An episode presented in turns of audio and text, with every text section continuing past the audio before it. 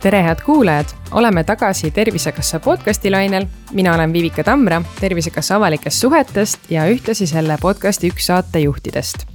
selles podcastis räägime tervisest. siin saates jagame koos ekspertidega häid soovitusi, kuidas oma tervist hoida ja päeva lõpuks ikka tervemalt elada. Tänases saates räägime vaimsest tervisest selge on see, et inimeste vaimse tervise probleemid on viimastel aastatel paraku süvenenud ja hinnanguliselt kogeb siis iga viies inimene meist aasta jooksul mingisuguseid vaimse tervise muresid meie vaimset tervist mõjutab aga ka väga palju see, mida me sööme. ja just seepärast siis otsingi tänases saates vastuseid sellele, kuidas toitumise abil enda vaimset tervist saaksime paremini toetada. ja räägime siis ka sellest, kuidas siis mõjutavad erinevad toitained meie aju ja närvisüsteemi toimimist kutsusin saatesse sellest teemast rääkima Eesti toitumisteraapia pioneeri, kelleks on Anneli Soots, tere tulemast saatesse, Anneli. tere Te olete Eesti Toitumisteraapia Assotsiatsiooni juht ja tegelete aktiivselt selle teema edendamisega ka Eestis. ja ma kohe küsikski algatuseks, et kuidas te üldse leidsite tee toitumisteraapiani, millega on tegu ja miks te sellega nii tulihingeliselt siis tegelete? ma alustan lõpust, miks ma tegelen nii tulihingeliselt. see on lihtsalt nii põnev äh, valdkond ja kuna see on hästi uus valdkond ka kogu maailmas, siis äh, noh, iga aastaga tuleb äh, noh, täiesti uusi teadmisi. tegelema hakkasin sellega kaheksateist aastat tagasi. meid oli üks niisugune noh, meedikutest äh, seltskond, kes olid ise haiged või kellel olid pereliikmed haiged ja me teadsime, et noh, väljamaal saab ka niisuguseid nõuandeid nagu toitumisalaseid nõuandeid selliste haiguste puhul. ja see kõik oli nii uus ja nii põnev. ja meil oli ka päris raskeid haigeid, nagu minu oma lapselaps, kes tõepoolest sai abi nendest äh, väljamaalt saadud toitumisnõuannetest.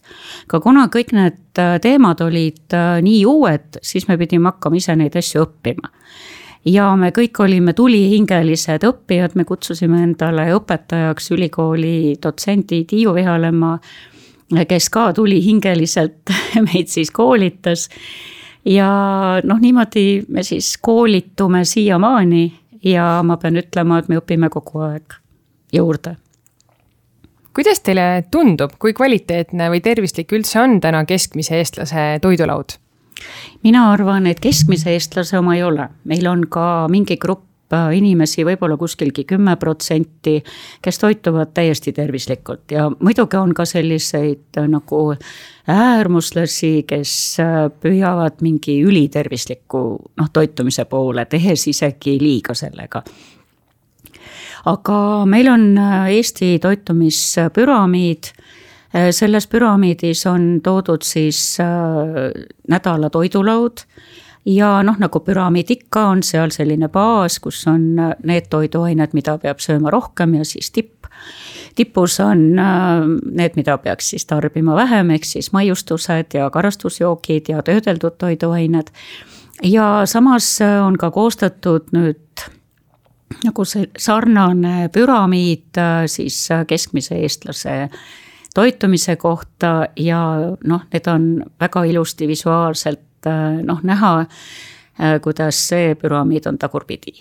Ehk siis seda ülemist otsa on liiga palju ja siis neid tervislikke toiduaineid, millest peaks baas olema, neid on liiga vähe no ma saan aru, et seal üleval otsas on siis ka see suhkru äh, mõju ja ma küsiksingi kohe, et äh, miks meie keha ikkagi tahab äh, tihti nii-öelda neid kiireid süsivesikuid ja suhkrut sisaldavaid toite, et kas meil on kõigil nii suur energiapuudus või millest see isu tuleneb? no energiapuudus on üks asi, miks me tõesti ka glükoosi vajame, aga tänasel päeval vist ei ole see enam üldse nagu oluline, et nälga meil ei ole ena-, enamasti aga selle suhkruga on nii, et meie veresuhkur on glükoos. ja kõikides nendes süsivesikurikastes toiduainetes on siis ka üks komponent on ju glükoos. ja selle noh, suhkruga me tõstame oma veresuhkru taset, nii et kui me oleme näljased, siis meie keha nõuab äh, tegelikult süsivesikuid ja mis on huvitav, on see, et kui me need süsivesikuid sööme ja sööme neid palju, siis see toob ka meil sellise madala veresuhkru taseme kaasa, sellepärast et meie keha toodab nagu noh, insuliini, mis selle glükoosi verest ruttu välja viib, sellepärast et see on ohtlik, kui meil veresuhkru tase tõuseb ja siis äh, noh, tekib selline reaktiivne hüpoglükeemia, mis paneb meid uuesti magusat imustama. ja tegelikult selline reaktiivne hüpoglükeemia toob kaasa ka nagu vaimseid probleeme. Mida me võib-olla oleme sageli tundnud, on väsimus pärast sööki. ja siis tahame magusat, on ju, minge nüüd võtaks ühe magustoiduampsu nii et äh, pigem jah, et suhkur ei olegi nagu mingi noh, selline narkootikum, vaid äh, noh, meie seletame seda täiesti keha, kehareaktsioonidega. ja väga lihtne seletus on veresuhkru tase aga kas süsivesikutel äh, ja ka suhkrul on mingeid häid omadusi konkreetselt vaimsele tervisele, et kas me neid ikkagi vajame teatud koguses mm? -hmm. glükoos on ajule ääretult vajalik ühend. et ka ka noh, siin sellised dieedid, mis äh, nagu süsivesikuid välistavad. Need ikkagi peavad mingi koguse süsivesikuid sisse jätma, et aju glükoosi saaks, et aju, aju seda ise teistest äh, nagu allikatest ei tooda. et aju jaoks on glükoos ääretult vajalik nii, aga ma liigun nüüd siit suhkru tarbimise juurest edasi ja küsin hoopis seda, et kui vajalik on meie närvisüsteemile hoopis valk, et äh, ma saan aru, et valgurohked toidud, täpsemini siis selles sisalduvad aminohapped, aitavad kaasa meie suhtlemisvõimele, aga kas äh, nendel aminohappetel või valgul on veel mõningaid häid omadusi vaimsele tervisele? valgud on äh, jah enamasti väga keerulised ühendid, mis koosnevad äh, väga paljudest aminohapetest. ja osad nendest aminohapetest on asendamatud, ehk siis meie keha neid ei tooda ja neid peab toiduga saama. ja paljud nendest asendamatutest aminohapetest on ka ju ajutervisele ääretult olulised. valku kasutab meie keha viimase kui ühe struktuuri ülesehitamiseks, nii et äh, me ei räägi siin ainult ajust, vaid me räägime kogu oma kogu oma kehast ja jällegi ei ole tarvis piirata valke liigselt, aga ei tohi ka nendega liialdada, sellepärast et meie kehal ei ole neid nii palju tarvis. ja valkusid saame me loomsetest toiduainetest ja taimsetest ja noh, praegu tuleb päris palju ka sellist teaduskirjandust, mis ütleb, et loomsed valgud ka ei ole nagu suures koguses väga tervislikud, et pigem asendame taimsete valkudega. nii et äh, ma arvan, et meil on kõiki neid tarvis. ja nüüd taimetoitlased jätavad ju loomse valgu välja. et seal on ka selline nagu mõiste, et äh, täisväärtuslik valk ja öeldakse, et ainult loomses toidus on täisväärtuslik valk, aga taimsega saame me ka sel, need aminohapped kätte. ainult et siis peab kombineerima neid taimseid valguallikaid. räägime pisut ka rasvast ma saan aru, et kadumas on see mentaliteet, et rasv on nii-öelda kurjajuur, mis meid paksuks teeb ja meie tervist ohustab. ja tegelikult on ju olemas ka palju häid rasvu, mis on tervisele igati vajalikud. Äh, millised on need head rasvad, Anneli, ja kust neid saab ja kas rasva tarbimine ka meie vaimset tervist mõjutab?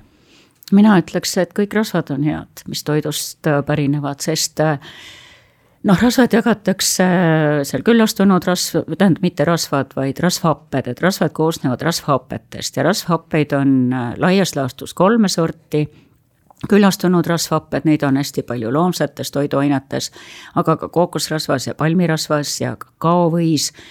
Äh, siis on monoküllastamata rasvhapped, mida on rohkesti oliiviõlis, avokaados, mandlites, paljudes pähklites ja siis on polükülastumata rasvhapped, mis jagunevad veel oomega kolm ja oomega kuus rasvhapeteks. ja ka need on meie jaoks ääretult olulised, need on asendamatud rasvhapped, mida meie keha ei tooda, mida me peame saama toiduga. ja rasvade puhul on ääretult oluline tasakaal. me ei tohi olla nende puuduses seal on isegi mingi alumine piir antud, kui palju toiduga peab neid saama, nii et Äh, see on juba ammune minevik, kus rasvu kahjulikeks ja nagu halbadeks peeti. ka neid küllastunud rasvhappeid on meie kehal tarvis, sest meie rakumembraanid koosnevad rasvhappetest ja seal on, seal on vaja kõiki neid rasvhappeid. Ja noh, aju jaoks on rasvad ääretult olulised, sest näiteks müeliin, mis on närvi, närvirakkude kest ja, ja see koosneb ka põhiliselt rasvast, aju on kuuskümmend protsenti rasv ja omega-3 rasvhapped on ääretult olulised seal müeliini moodustamisel, nad on ääretult olulised meie silmanägemise jaoks. nii et rasvad peavad toidus olema, aga peab olema tasakaal nende rasvhapete vahel ja mida me saame liigselt, kui me sööme loomset toitu liigselt, saab küllastunud rasvhappeid liigselt, mis ei ole hea ei aju ega südametervisele. kui me saame omega kuus rasvhappeid liigselt ja kolme omega kolmesid ei ole, siis on meie kehas nagu põletikulised protsessid ülekaalus. nii et äh, ikkagi tervislik tasakaalus toitumine on see, mida aju vajab no vaimset tervist toetavad ju ka erinevad vitamiinid ja teatavasti võib ju näiteks B, C ja D vitamiini puuduse korral äh, meil tekkida näiteks ärevushäireid, ärritust, väsimust, märuprobleeme. kas need vitamiinid konkreetselt ongi närvisüsteemile kõige olulisemad või on neid vitamiinigruppe veel mm,?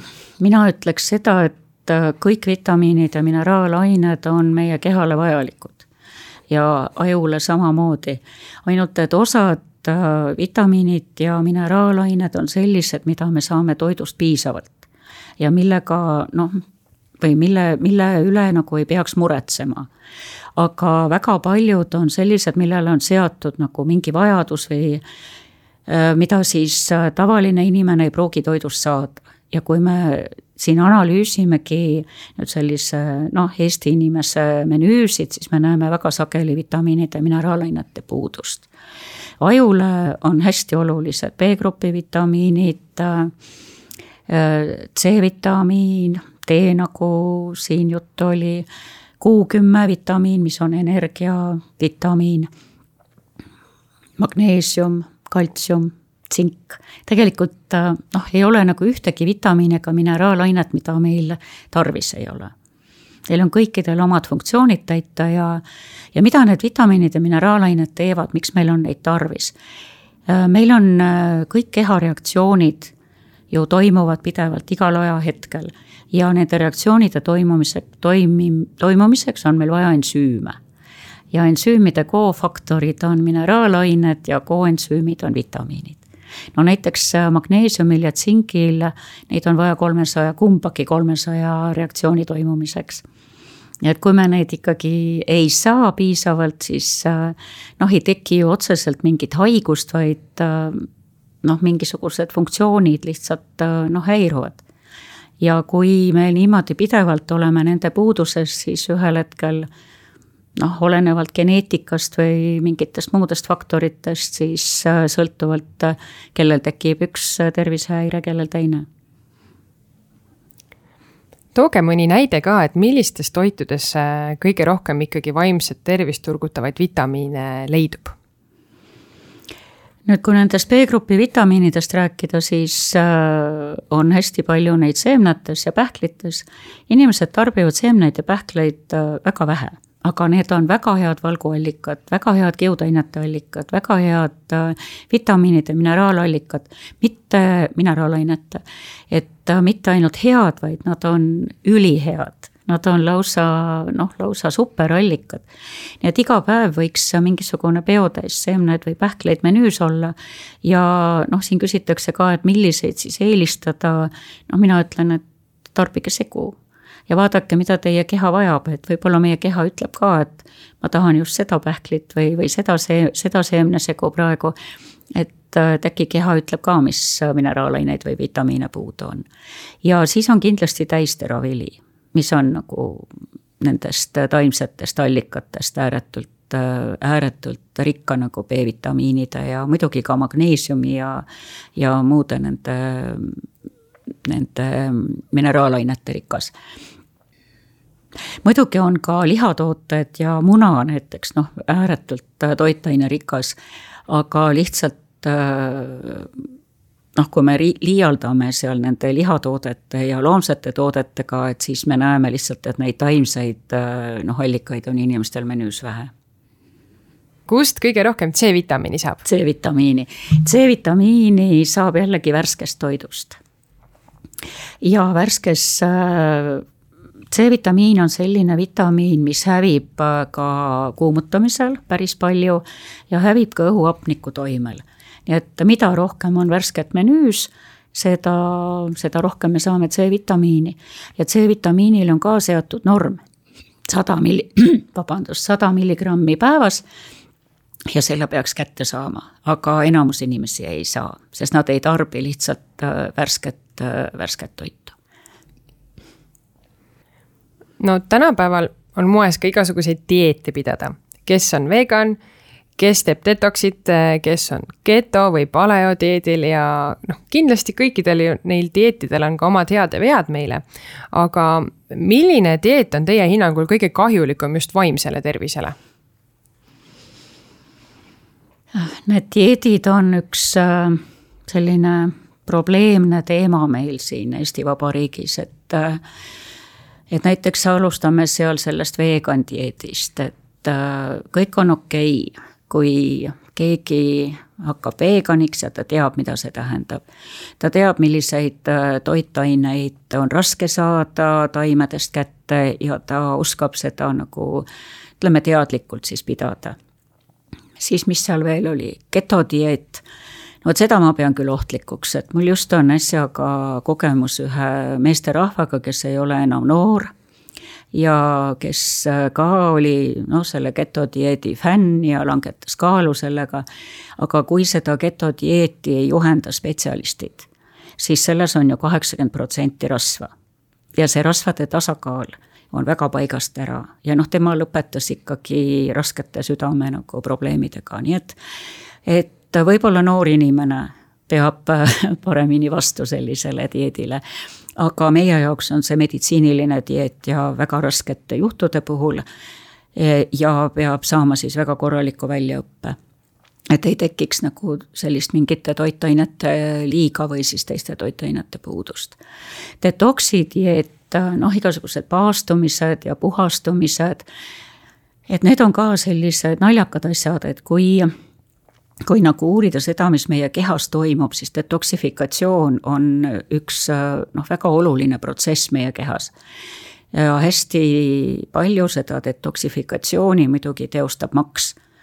ja need on keerulised biokeemilised protsessid ja need vajavad kõik toitaineid nii et mina ei saa aru, miks me peaksime nälgima selleks, et detoksi teha. Detoksi jaoks on meil vaja väga tervislikku toitu, muidugi mitte liialdada, et selles mõttes on nagu hea, kui äh, toitu piiratakse, sellepärast et paljud inimesed söövad lihtsalt üle. aga see peab olema jah, hästi tervislik, hästi taimetoidurikas dieet, peab saama kätte kõik vitamiinid, kõik mineraalained ja nagu me rääkisime, ka valgud õiget rasvad heas tasakaalus, glükoosi, sest energiat on vaja nendeks protsessideks. nii et detoksifikatsioon on meie kehas oluline protsess ja vajab toitaineid. mis seal veel olid, need dieedid? paleo. aa, paleo. no paleo kohta ka viimasel ajal ma tean, et ilmus üks raamat, et autoimmuunhaigustele on see paleodieet nagu väga hea Äh, ta jätab ju ka teatud toiduainegrupid täielikult menüüst välja. ja meie kui terapeudid siin ütleme, et ei ole vaja. et inimesed võiksid tulla toitumisterapeudi juurde ja me võiksime vaadata, missugused noh, missugused teraviljad võiks välja jätta, missugused äh, toiduained on sellised, mida ta tõesti ei talu. ja mis tema haigusseisundit nagu raskendavad, et äh, ei pea minema nii rangetele nagu dieetidele, et mingid äh, terved nagu toiduainegrupid menüüst välja jätma ma tahtsin veel korraks tagasi tulla selle paastumise juurde, sest see on ikka väga popp viimasel ajal ja ma tahtsin ka küsida, et kuidas see meie närvisüsteemile mõjub, kui me paastumisel toidukordi, noh just eriti siis hommikusööki vahele jätame, mis on aju jaoks ju tegelikult ütlemata oluline mina ei jätaks ühtegi toidukorda vahele. nüüd hommikusöök jääb väga sageli inimestel vahele siis, kui nad söövad väga suured õhtusöögid et kujutate ette, kui noh, te olete väga näljane päev otsa, te ei ole hommikusööki söönud, te ei ole korralikku lõunasööki söönud, te ainult näksite seal midagi, siis tegelikult ju sööte terve õhtu. ja noh, ega siis on uni häiritud, võib-olla on unerohtu vaja, noh, selleks, et magada korralikult.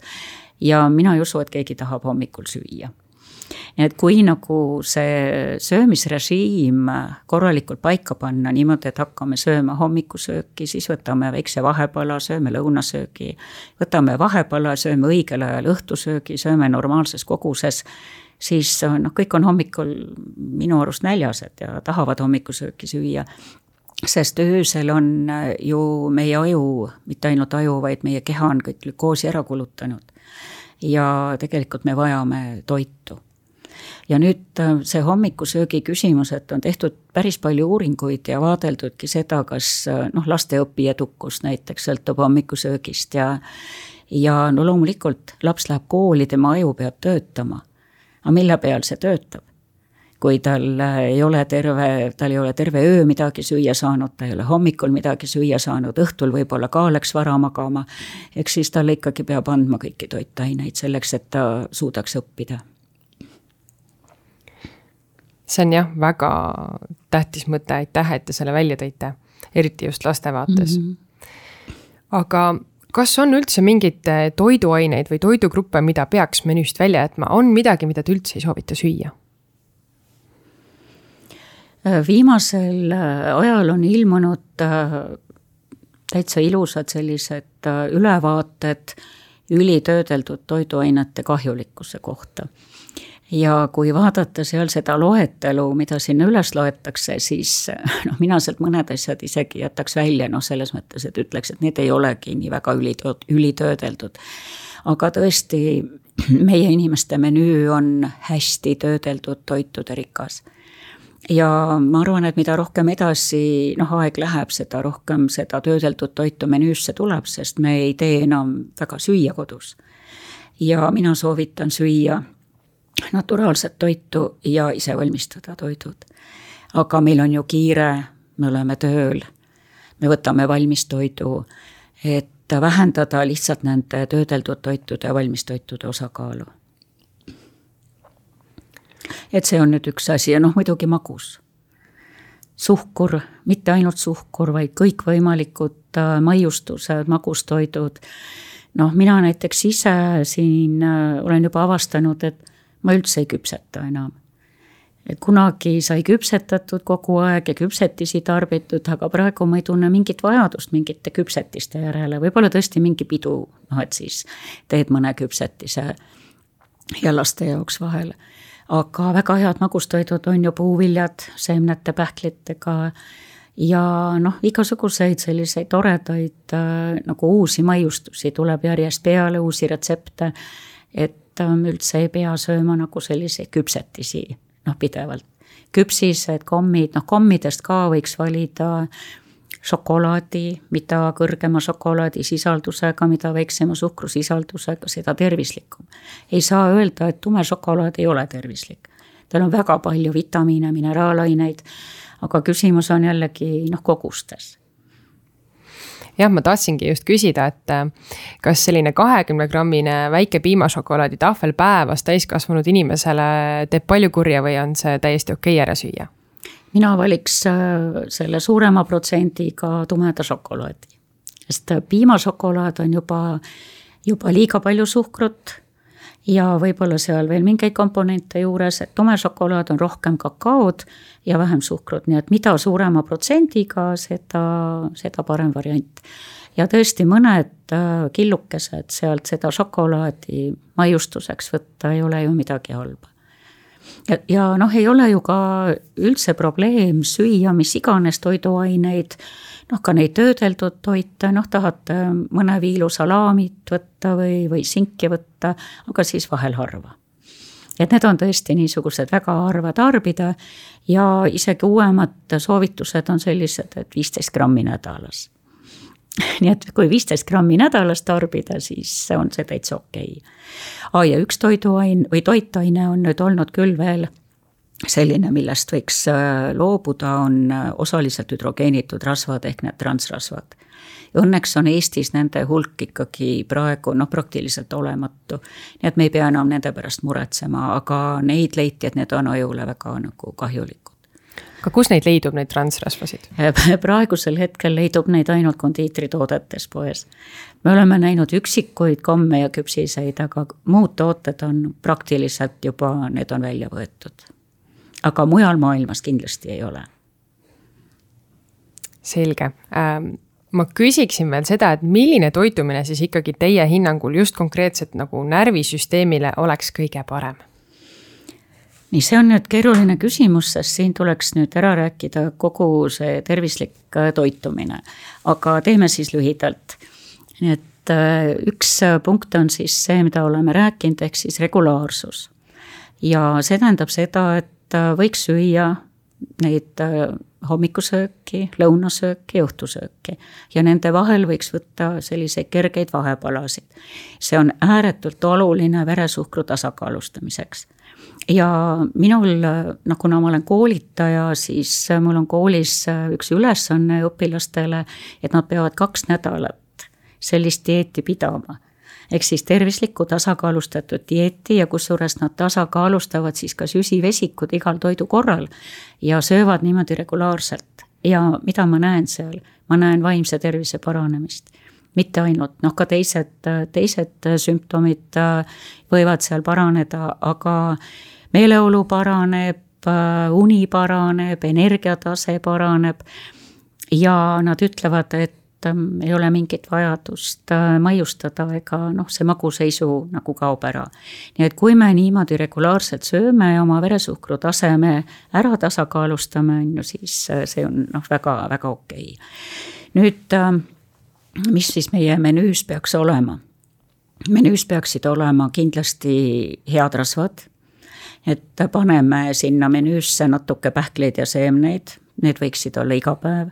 noh, neid võib panna värskesse salatisse, neid võib puistata jogurti peale. minule meeldib hommikupudru peale neid äh, seemneid panna. ja noh, näiteks sellised kooritud kanepiseemned, need kõlbavad lihtsalt lusikaga suhu pista pähklid võivad olla kogu aeg laua peal, mitte kommid, vaid äh, mingi pähklite segu nüüd, äh, kui poest osta pähkleid, siis mitte koos nende kuivatatud puuviljadega, sellepärast et need on ka hästi suhkrurikkad. et pigem toores puuvili ja kehtibki reegel, et sööme tervik, tervikvilju mahlad arvatakse ka, et on hästi tervislikud, aga mahlad on ka hästi kõrge süsivesiku sisaldusega ja tõstavad väga kiiresti veresuhkru taset. mahlades ei ole kiudaineid ja nüüd nende dieetide kohta, millest siin enne oli juttu, on paljud ka sellised, mis on nagu väga kiudainevaesed. näiteks kaalu langetamiseks Eestis on hästi levinud sellised äh, hästi süsivesikuvaesed dieedid ja nad on siis valgurikkad ja nad on rasvarikkad, seal on hästi palju just seda küllastunud rasva ehk neid loomseid toiduaineid ja kiudainete sisaldus on ülimadal tänu sellele. aga kaalu langetab ka tavaline tervislik toitumine, selline, millest noh, me praegu siin räägime. ja kiudained on seal ääretult olulised. Nendel on ka normid, kõikidele nendele toitainetele on normid kehtestatud ja normid peaksid küll täidetud saama. nüüd äh, edasi räägime rasvadest, jah. oomega kolm rasvhapped võiksid olla menüüs. kala või mereannid kolm korda nädalas on Eesti riiklik äh, toitumissoovitus.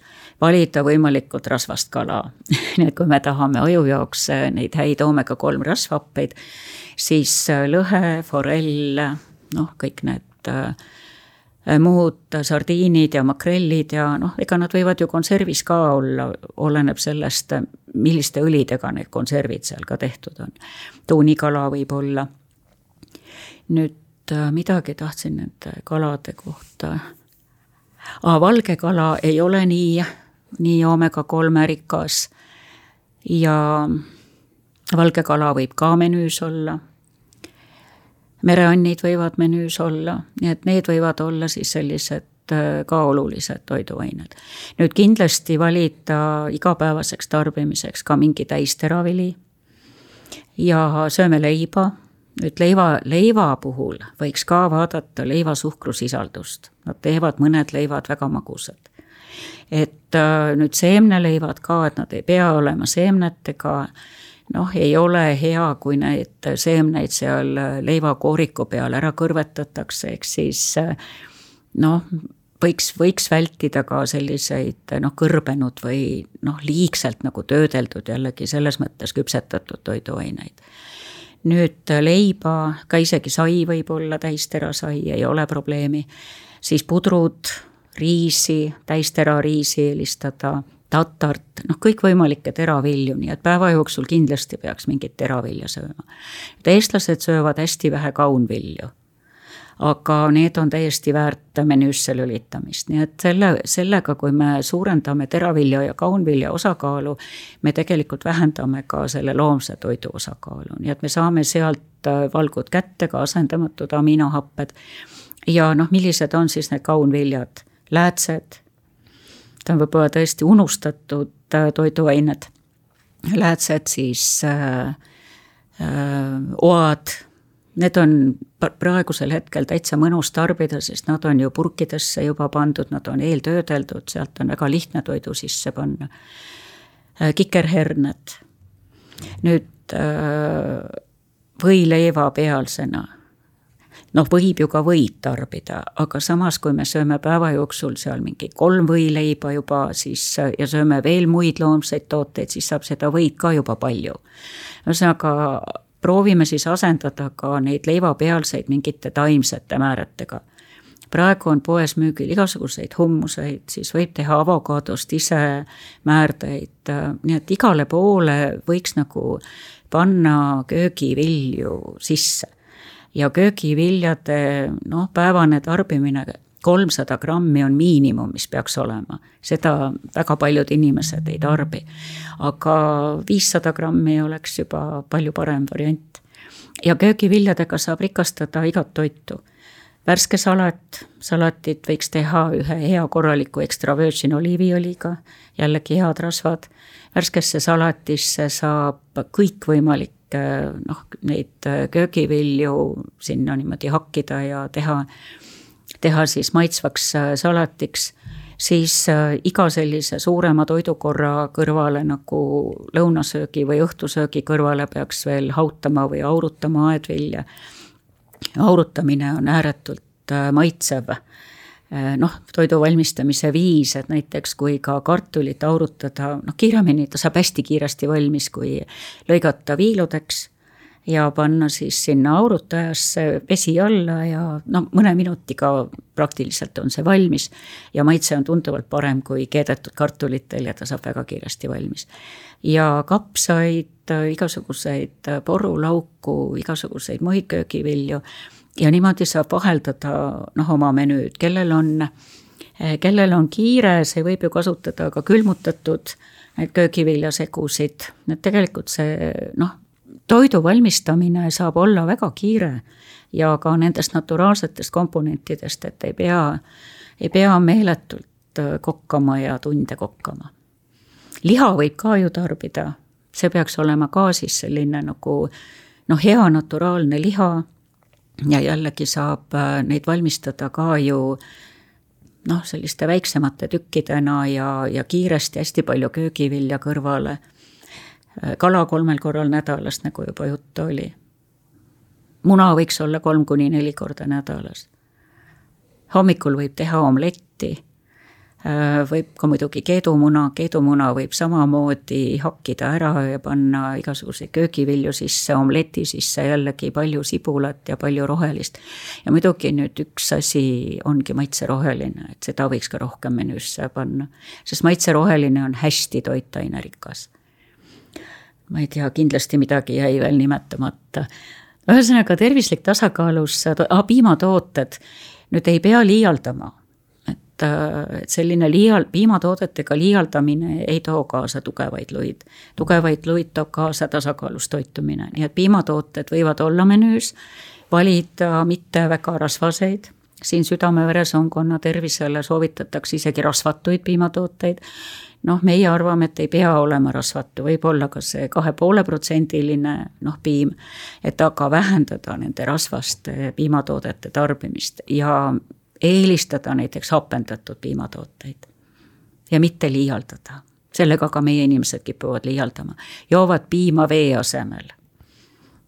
piim ei ole jook, piim on söök jah, ma tahtsingi just veel lisada juurde, et vett tarbime me ka kindlasti liiga mm. vähe. jah, mõni inimene ei joo üldse. ütleb, et vesi on vastik ja ma ei saa seda juua, et siis tuleb harjutada ennast lonkshaaval nagu vett tarbima. Ja muidugi me võime ka tarbida liigselt soola, mitte ainult suhkrut.